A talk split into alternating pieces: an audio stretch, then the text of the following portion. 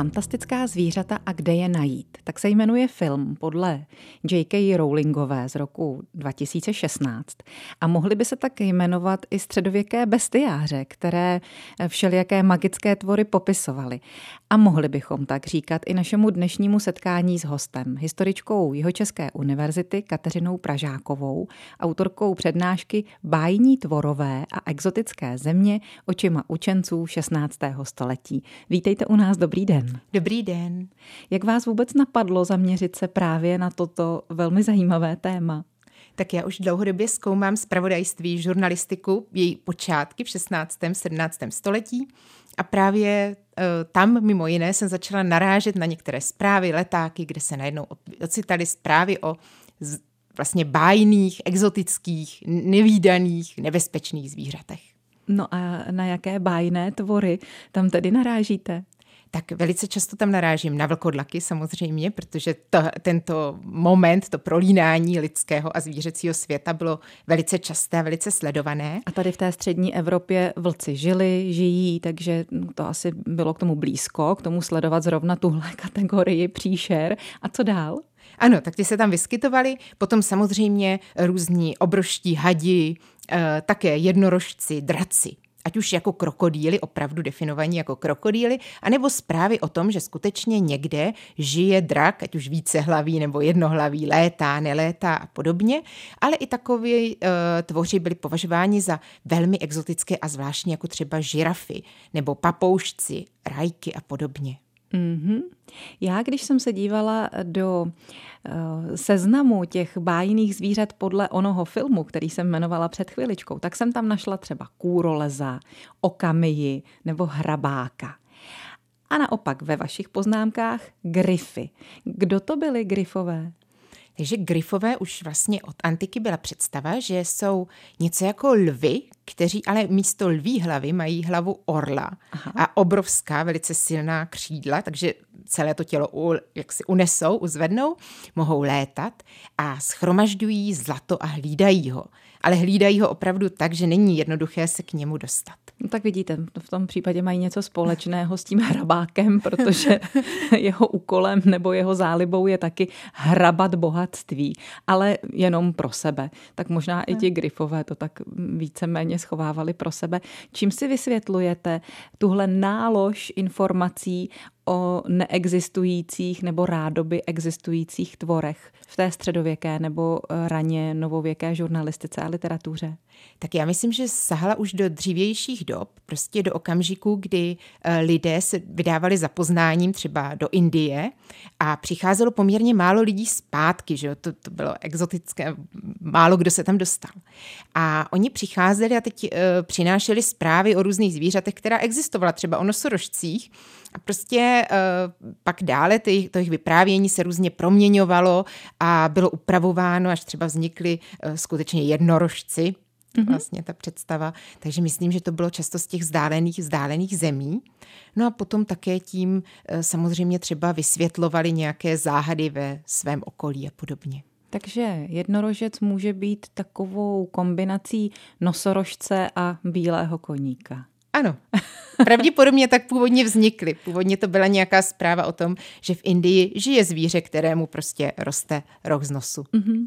A tou ústní lidovou slovesností a tím, jak všichni rádi trochu přidáváme k těm příběhům a přeháníme, abychom zaujali své publikum, z toho nakonec mohla vzniknout pohádková bytost. Tak do pohádek se vrátíme za chvíli. Teď Helena Vondráčková a jedna de facto taky pohádková píseň.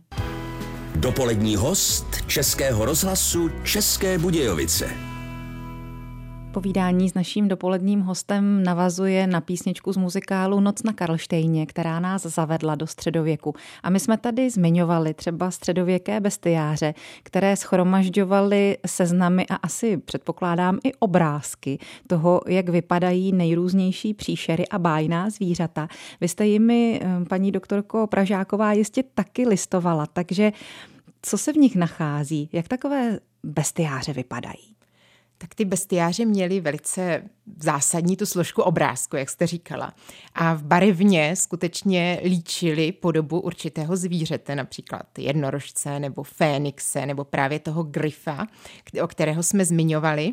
A prostě popisovali jeho vlastnosti, kdy se snažili ho, ale u něho uváděli jako prakticky existující zvíře, takže eh, líčili, jakou má barvu, eh, kde asi žije. To bylo zpravidla v nějaké hodně vzdálené zemi, protože to se to nedalo odpověď. ověřit. Přesně, to bylo řešení. Tak, takový atlas zvířat, nebo jako známe atlasy rostlin, tak tohle byl atlas exotických tvorů, o nichž tedy ten domácí tady čtenář musel jenom doufat, že opravdu existují a chtěl tomu věřit? Myslím si, že většinou chtěl. Ve středověku rozhodně, protože uh, to ty obzory, zvláště tady ve střední Evropě, byly velice úzké. Málo kdo se dostal už vůbec třeba ke středozemnímu moři, na tož, aby cestoval třeba do Indie nebo do severní Afriky a mohl si něco ověřit. Ale to se potom změnilo s nástupem renesance, kdy potom přichází ta věda, která se začíná trochu více ptát a trochu spochybňovat. Mm-hmm, takže začínají lidé víc výjíždět do světa, za různými mořeplavbami, za různými zámořskými objevy a přivážejí odtud skutečné informace, které se ale s tím, co se tady doposud šířilo, asi tolik neslučují. Co to vyvolalo? Přesně, to bylo velice obtížné pro tehdejší vědce. Právě zoologi, třeba velmi známý Konrád Gessner, švýcarský vědec, který vlastně v polovině 16. století vytvořil několik, několika svazkové dílo vlastně o zvířatech, takový popis, tak se najednou střetával s tím, že on sám osobně zkoumal kůže nebo i živá zvířata, kterému ty mořeplavci přivezli. Přivezli mu třeba pásovce o kterém nebyla ve středověkých bestiářích ani zmínka. Ale nikdo nepřivážel třeba draka, nebo grifa, nebo hydru, ani Pegase a podobně, takže se musel nějak začít vyrovnávat s tím, eh, proč se ty informace liší. A že tam ty zvířata nikdo neviděl ta, o kterých on doposud psal, ano? Ano, ano. A ještě jsme možná úplně nerozvedli otázku, jaké bájné vlastnosti těm zvířatům, v jejichž existenci lidé věřili, přisuzovali tak velice populární byl samozřejmě jednorožec, kdy se věřilo, že tedy roh jednorožce může působit jako nějaké proti, protilék proti všem jedům. Takže mnozí vládci, králové si skutečně nechávali, oni si mysleli, že to je pravý roh jednorožce, byl většinou z Narvala vlastně, a nechávali si z toho zhotovit vlastně číši. Tak to mhm. byla například uh, tahle víra, že to dokáží. Ale byla tradována například i víra v bazilišky, kteří měli žít na severu Afriky, někde v oblasti Libie. A věřilo se, že jsou tak jedovatí, že prakticky všechno sežehnou i pouhým pohledem, e, zem kolem nich puká a pokud snad nějaký jezdec by rytíř sehnal odvahu a baziliška by probodl, tak stejně by zemřel, protože ten jed by prošel kopím až k němu. Aha, no to jsou věci.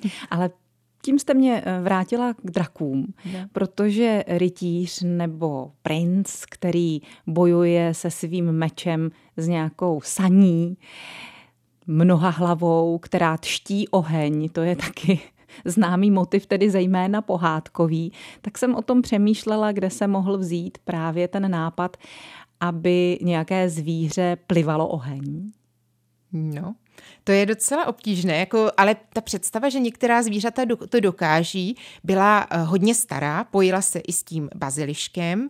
Eh, pravděpodobně se opírala, teď už ne ohnivé jádro, ale o představu krokodýla z ze severní Afriky, mm-hmm. ale spojovali ji potom i v renesanci, třeba měli představu o tom, že existuje ohnivý salamandr, že snad existuje nějaká ještěrka obrněná, která je schopná nejenom v ohni přežít, ale přímo ho vyhledává, cítí se v něm dobře a snad se dokonce i z ohně a z blesku dokáže narodit. Takže salamandr vypadal jako obří ještěrka? Ano, jako ohnivá ještěrka, která se měla narodit v bouři, prostě z bouře náhle se objevit, mm-hmm. neměli běžná vejce nebo mláďata a zase nějaké moc pěkné počasí by ji dokázalo zahnat snad. A taková vlastně božsky vytvořená ještěrka a ten bazilišek měl mít podobu jakou? Bazilišek to bylo zajímavé, buď mi se měl více podobat krokodýlovi, ale nebo tady byly různé spojení s kohoutem, jako kombinace plaza a kohouta. Ale právě u těch bazilišků poměrně záhy potom v tom 16. století začaly ti vědci jaksi pochybovat o tom, jestli opravdu existují, takže právě už ten zmiňovaný Konrad Gessner ho pro jistotu do toho svého díla nezahrnul. Už nezařadil. Ano. Jinak se ale třeba říká, ty jsi prohnaný jako bazilišek, takže předpokládáme ještě dnes o baziliškovi, že je fikaný, že má za ušima, že, že je lstivý. Pravděpodobně ano, pravděpodobně měl ještě na ty uh, lidi někde čekat, i když už to ani neměl zapotřebí, protože skutečně měl být tak jedovatý a nebezpečný. Uh, trochu legrační u něj bylo, že byla představa o tom, že je snad možné ho zabít jenom pomocí pachu lasičky. Takže kombinace takových jako zvířat, která se běžně k sobě nedostanou, nebo, ale i na všechno měl být určitý lék. I baziliška tedy bylo možné porazit. Mm-hmm. No a i draci na nás dosud čekají ve svých sluhích, i v českých pohádkách tak dostaneme se k tomu za chvíli po dalším hudebním předělu s paní doktorkou Kateřinou Pražákovou, pedagožkou a vědeckou pracovnicí Historického ústavu Filozofické fakulty Jihočeské univerzity. Dějiny středověku učí na Filozofické fakultě Jihočeské univerzity Kateřina Pražáková, náš dnešní host. Vědecky se zaměřuje taky na raný novověk a na dějiny spravodajství, jak už nám tady řekla. Spravodajství ve své tištěné podobě se začalo rozvíjet právě od novověku. Šel ruku v ruce s rozvojem seriózní žurnalistiky, tedy paní doktorko, i bulvár? Určitě. Možná jí mnohdy předběhl, jako tomu často bývá. A právě záhy poté, co začal fungovat knihtisk, začaly být vydávány nejenom knihy, ale také tištěné letáky, které se právě sestávaly z obrovského většinou velkého obrázku, nějakého poutavého nadpisu a potom krátké příhody, která všechno, všechno vysvětlovala. A tyhle letáky byly mnohem levnější než tiž celé tištěné knihy, takže se často dali koupit právě na různých tržištích a, a i u podobných obchodníků. A to byla příležitost často právě pro řemeslníky, měšťany, eh, pořídit si určitou zajímavou zprávu. A vždycky se prodávaly ty zprávy takové ty fascinující, zajímavé, které byly třeba, ať už tedy o třeba korunovacích vládců, ale třeba i nějaká kriminální případ a také o těch zvířatech prostě. Tam a tam se objevila nestvůra, požírá lidi. Nebo z moře vylezl netvor, ale nakonec jsme ho udolali. Ano. A říkává se, že na každém šprochu pravdy trochu vycházely třeba tyhle ty extrémní verze těch zpráv z něčeho, co mohla být pravda. Určitě. Eh, myslím si, že často eh, třeba právě u těch bájných bytostí eh, šlo o to, že právě v některém okolí, v některé části Evropy začaly mizet lidé a začaly opravdu nacházet jejich ohlodané ostatky a od toho už byl jenom krůček k tomu hledat nějakou bestii, která to vlastně způsobuje. Těch vysvětlení, k čemu opravdu došlo, máme dnes více. Myslíme si, že zatím mohla být smečka velků, která se třeba přesunula do toho kraje z hladu a podobně, že zatím mohla být lupa lupičů, kterým vyhovovalo říkat, že v daném lese, v té oblasti prostě řádí nějaký ďábelský tvor – a nikdo tedy nehledal prostě konkrétní lidi. Někdy si i myslíme, že zatím byl konkrétní masový vrah třeba, mm-hmm. který vlastně ty lidi zabíjel. A nebo mohli lidé najít ostatky nějakého pravěkého zvířete. Já jsem přemýšlela o tom třeba letos o Vánocích, když jsem se dívala na pohádky, tak mě samozřejmě tam ty draci se tam zase objevovaly, tak mě vyvstala taková otázka, jak to, že vůbec drak vypadá tak, že se většinou a i v těch středověkých a raně novověkých vyobrazeních velmi podobá nějakému dinosaurovi. Vždyť se člověk ve svém vývoji s dinosaurem nemohl potkat. A tak jsme o tom zavedli doma řeč, jestli třeba nemohl nějaký dinosaurus přežít právě ve skalách, v Alpách například a nemohl ho tam někdo potkat, nebo jestli se tedy neusuzovalo na draka z nějakého kosterního nálezu. Můj starší syn dokonce k tomu má teorii plazího mozku a naší prastaré paměti a domnívá se, že my si zkrátka nějak nevědomně neseme tu informaci o tom, jak ta pravěká zvířata vypadala, protože jsme se z nich vlastně postupně vyvinuli. Tak jakou teorii k tomu máte vy? Tak já k tomu mám asi nejbližší tu teorii, že skutečně nalézali často kosterní pozůstatky těch dinosaurů. Eh, my, že našli třeba veliký zub, Mm-hmm. A prostě jim bylo jasné, že takový, že zvíře, které mělo takový zub, tak prostě muselo být třeba 20 metrů dlouhé nebo podobně. A z toho, že právě docházelo k těm představám, protože bylo jasné, tohle je pozůstatek mrtvého zvířete. A oni neměli dnešní metody, aby určili, kdy zemřelo. Takže pro ně to mohlo znamenat, ano, je mrtvé, ale třeba zemřelo před rokem, před třemi lety ho někdo zavra, jako zabil, nějaký rytíř třeba udatný. A čím si vysvětlujete to, že ta naše vizuální představa draka nebo nějakého takového bájného zvířete se s tím pravěkým poměrně dost shoduje? To je pravda, že se shoduje. Já si to vysvětluji hlavně tím, že opravdu mohli najít i celou hlavu, lepku vlastně, ale může být něco i na té teorii nějaké nevědomé, hluboké, hluboké paměti. tak vidíte, tak to já vyřídím doma. Od doktorky Kateřiny Pražákové, historičky našeho dnešního dopoledního hosta. Dopolední host Českého rozhlasu České Budějovice. Jak víte, je jim Kateřina Pražáková z Historického ústavu Filozofické fakulty Jihočeské univerzity. Máme hezké téma, bajní tvorové, exotická zvířata, kraje a lidé. Jak jste slyšeli, něco jako bulvární žurnalistika z pravodajství tedy existovalo od úplného počátku a senzace líčila tahle část žurnalistiky nejenom v souvislosti s bájnými zvířaty, ale třeba i s těmi dálnými kraji a jejich obyvateli. Tak na to bych se teď ráda zaměřila, jak vypadaly ty cizí země a to, co v nich žilo. Tak samozřejmě byly zde určité převzaté, dávno převzaté představy, že někde daleko žijí i třeba určitý obyvatel jenom s jedním okem, nebo že mají dokonce nohu, kterou se zastíňují proti slunci, ale ty docela už v tom 16. století takovéhle představy ustupovaly a byla spíš představa takových um, spoře, velmi spoře oděných indiánů, kteří skutečně mají šip, šípy, luky, uh, někde tam pobíhají a spíše čekají na to, až tedy ti Evropané jim přinesou kulturu a křesťanství. Ale tak do jisté míry už se tady ta vizuální představa shodovala se skutečností těch domorodých kmenů, jak už amerických nebo třeba afrických. Jak třeba reagovali eh, tehdejší lidé na jinou barvu pleti, na jinou lidskou rasu? Eh, ta barva pleti je tolik nevadila. Ani v těch letácích nebývala za tolik uh, zdůrazněna. Samozřejmě uh, dokreslovala to, že Evropané, bílí Evropané jsou trošku nějakým způsobem nadřazení, ale eh, pro ty letáky tenhle případ nebyl až tak, nebyl až tak důležitý.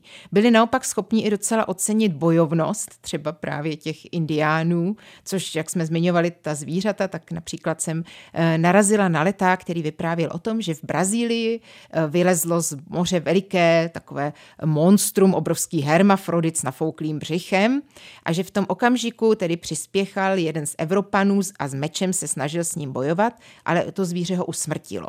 A poté, že se tedy seběhli ti domorodci a ty zvítězili.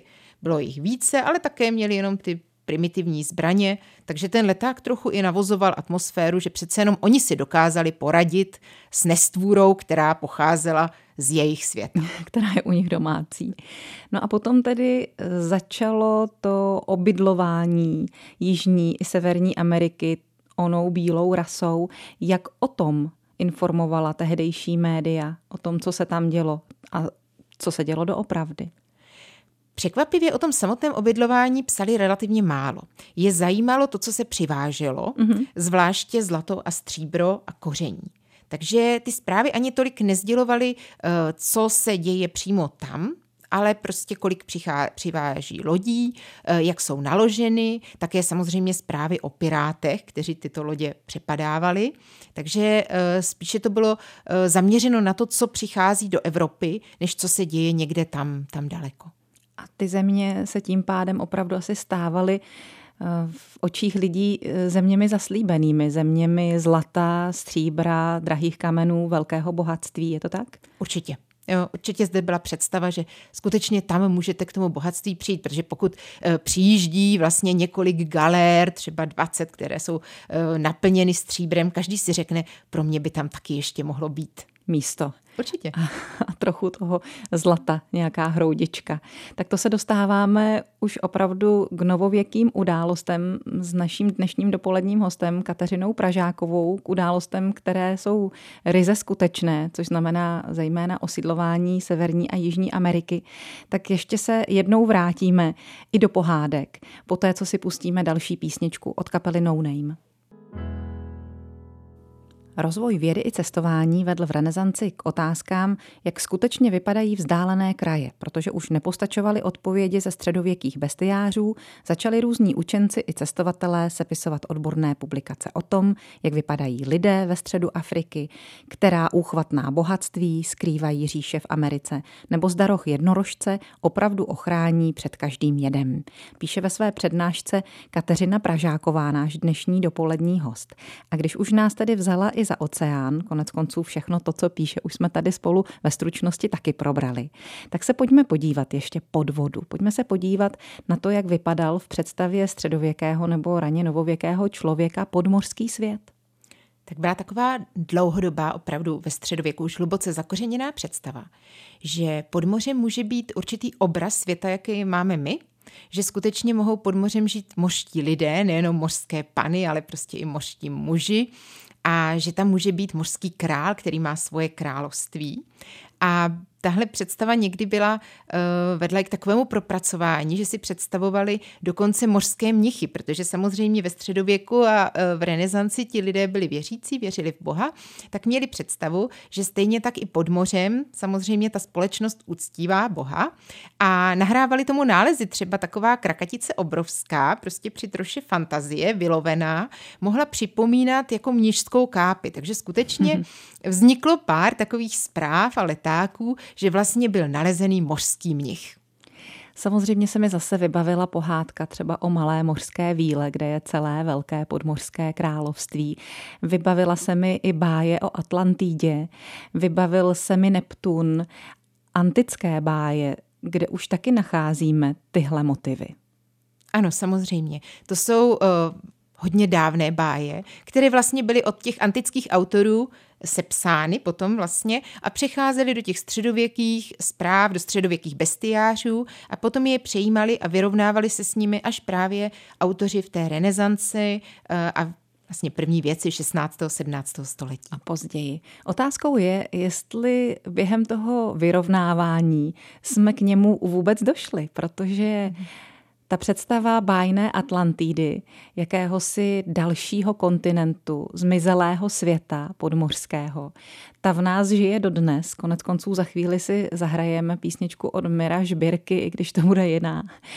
A e, pořád jsou mezi námi lidé, kteří věří na to, že existuje lochneská příšera, která se e, čas od času na ostrovním státě někomu objeví, někomu vynoří z, té, e, z toho jezera. Takže Máme tendenci i dnes věřit pohádkám? Určitě. Ta, je to dlouhodobá, dlouhodobá tendence, dlouhodobá touha vidět něco, co je za naším všedním dnem, co prostě přináší ještě něco navíc, nějaké koření, nějakou zprávu. Do našeho obyčejného života. Čím končíte své přednášky pro veřejnost na tohle téma, paní doktorko? Na tohle téma, hm, to jste mě trochu zaskočila.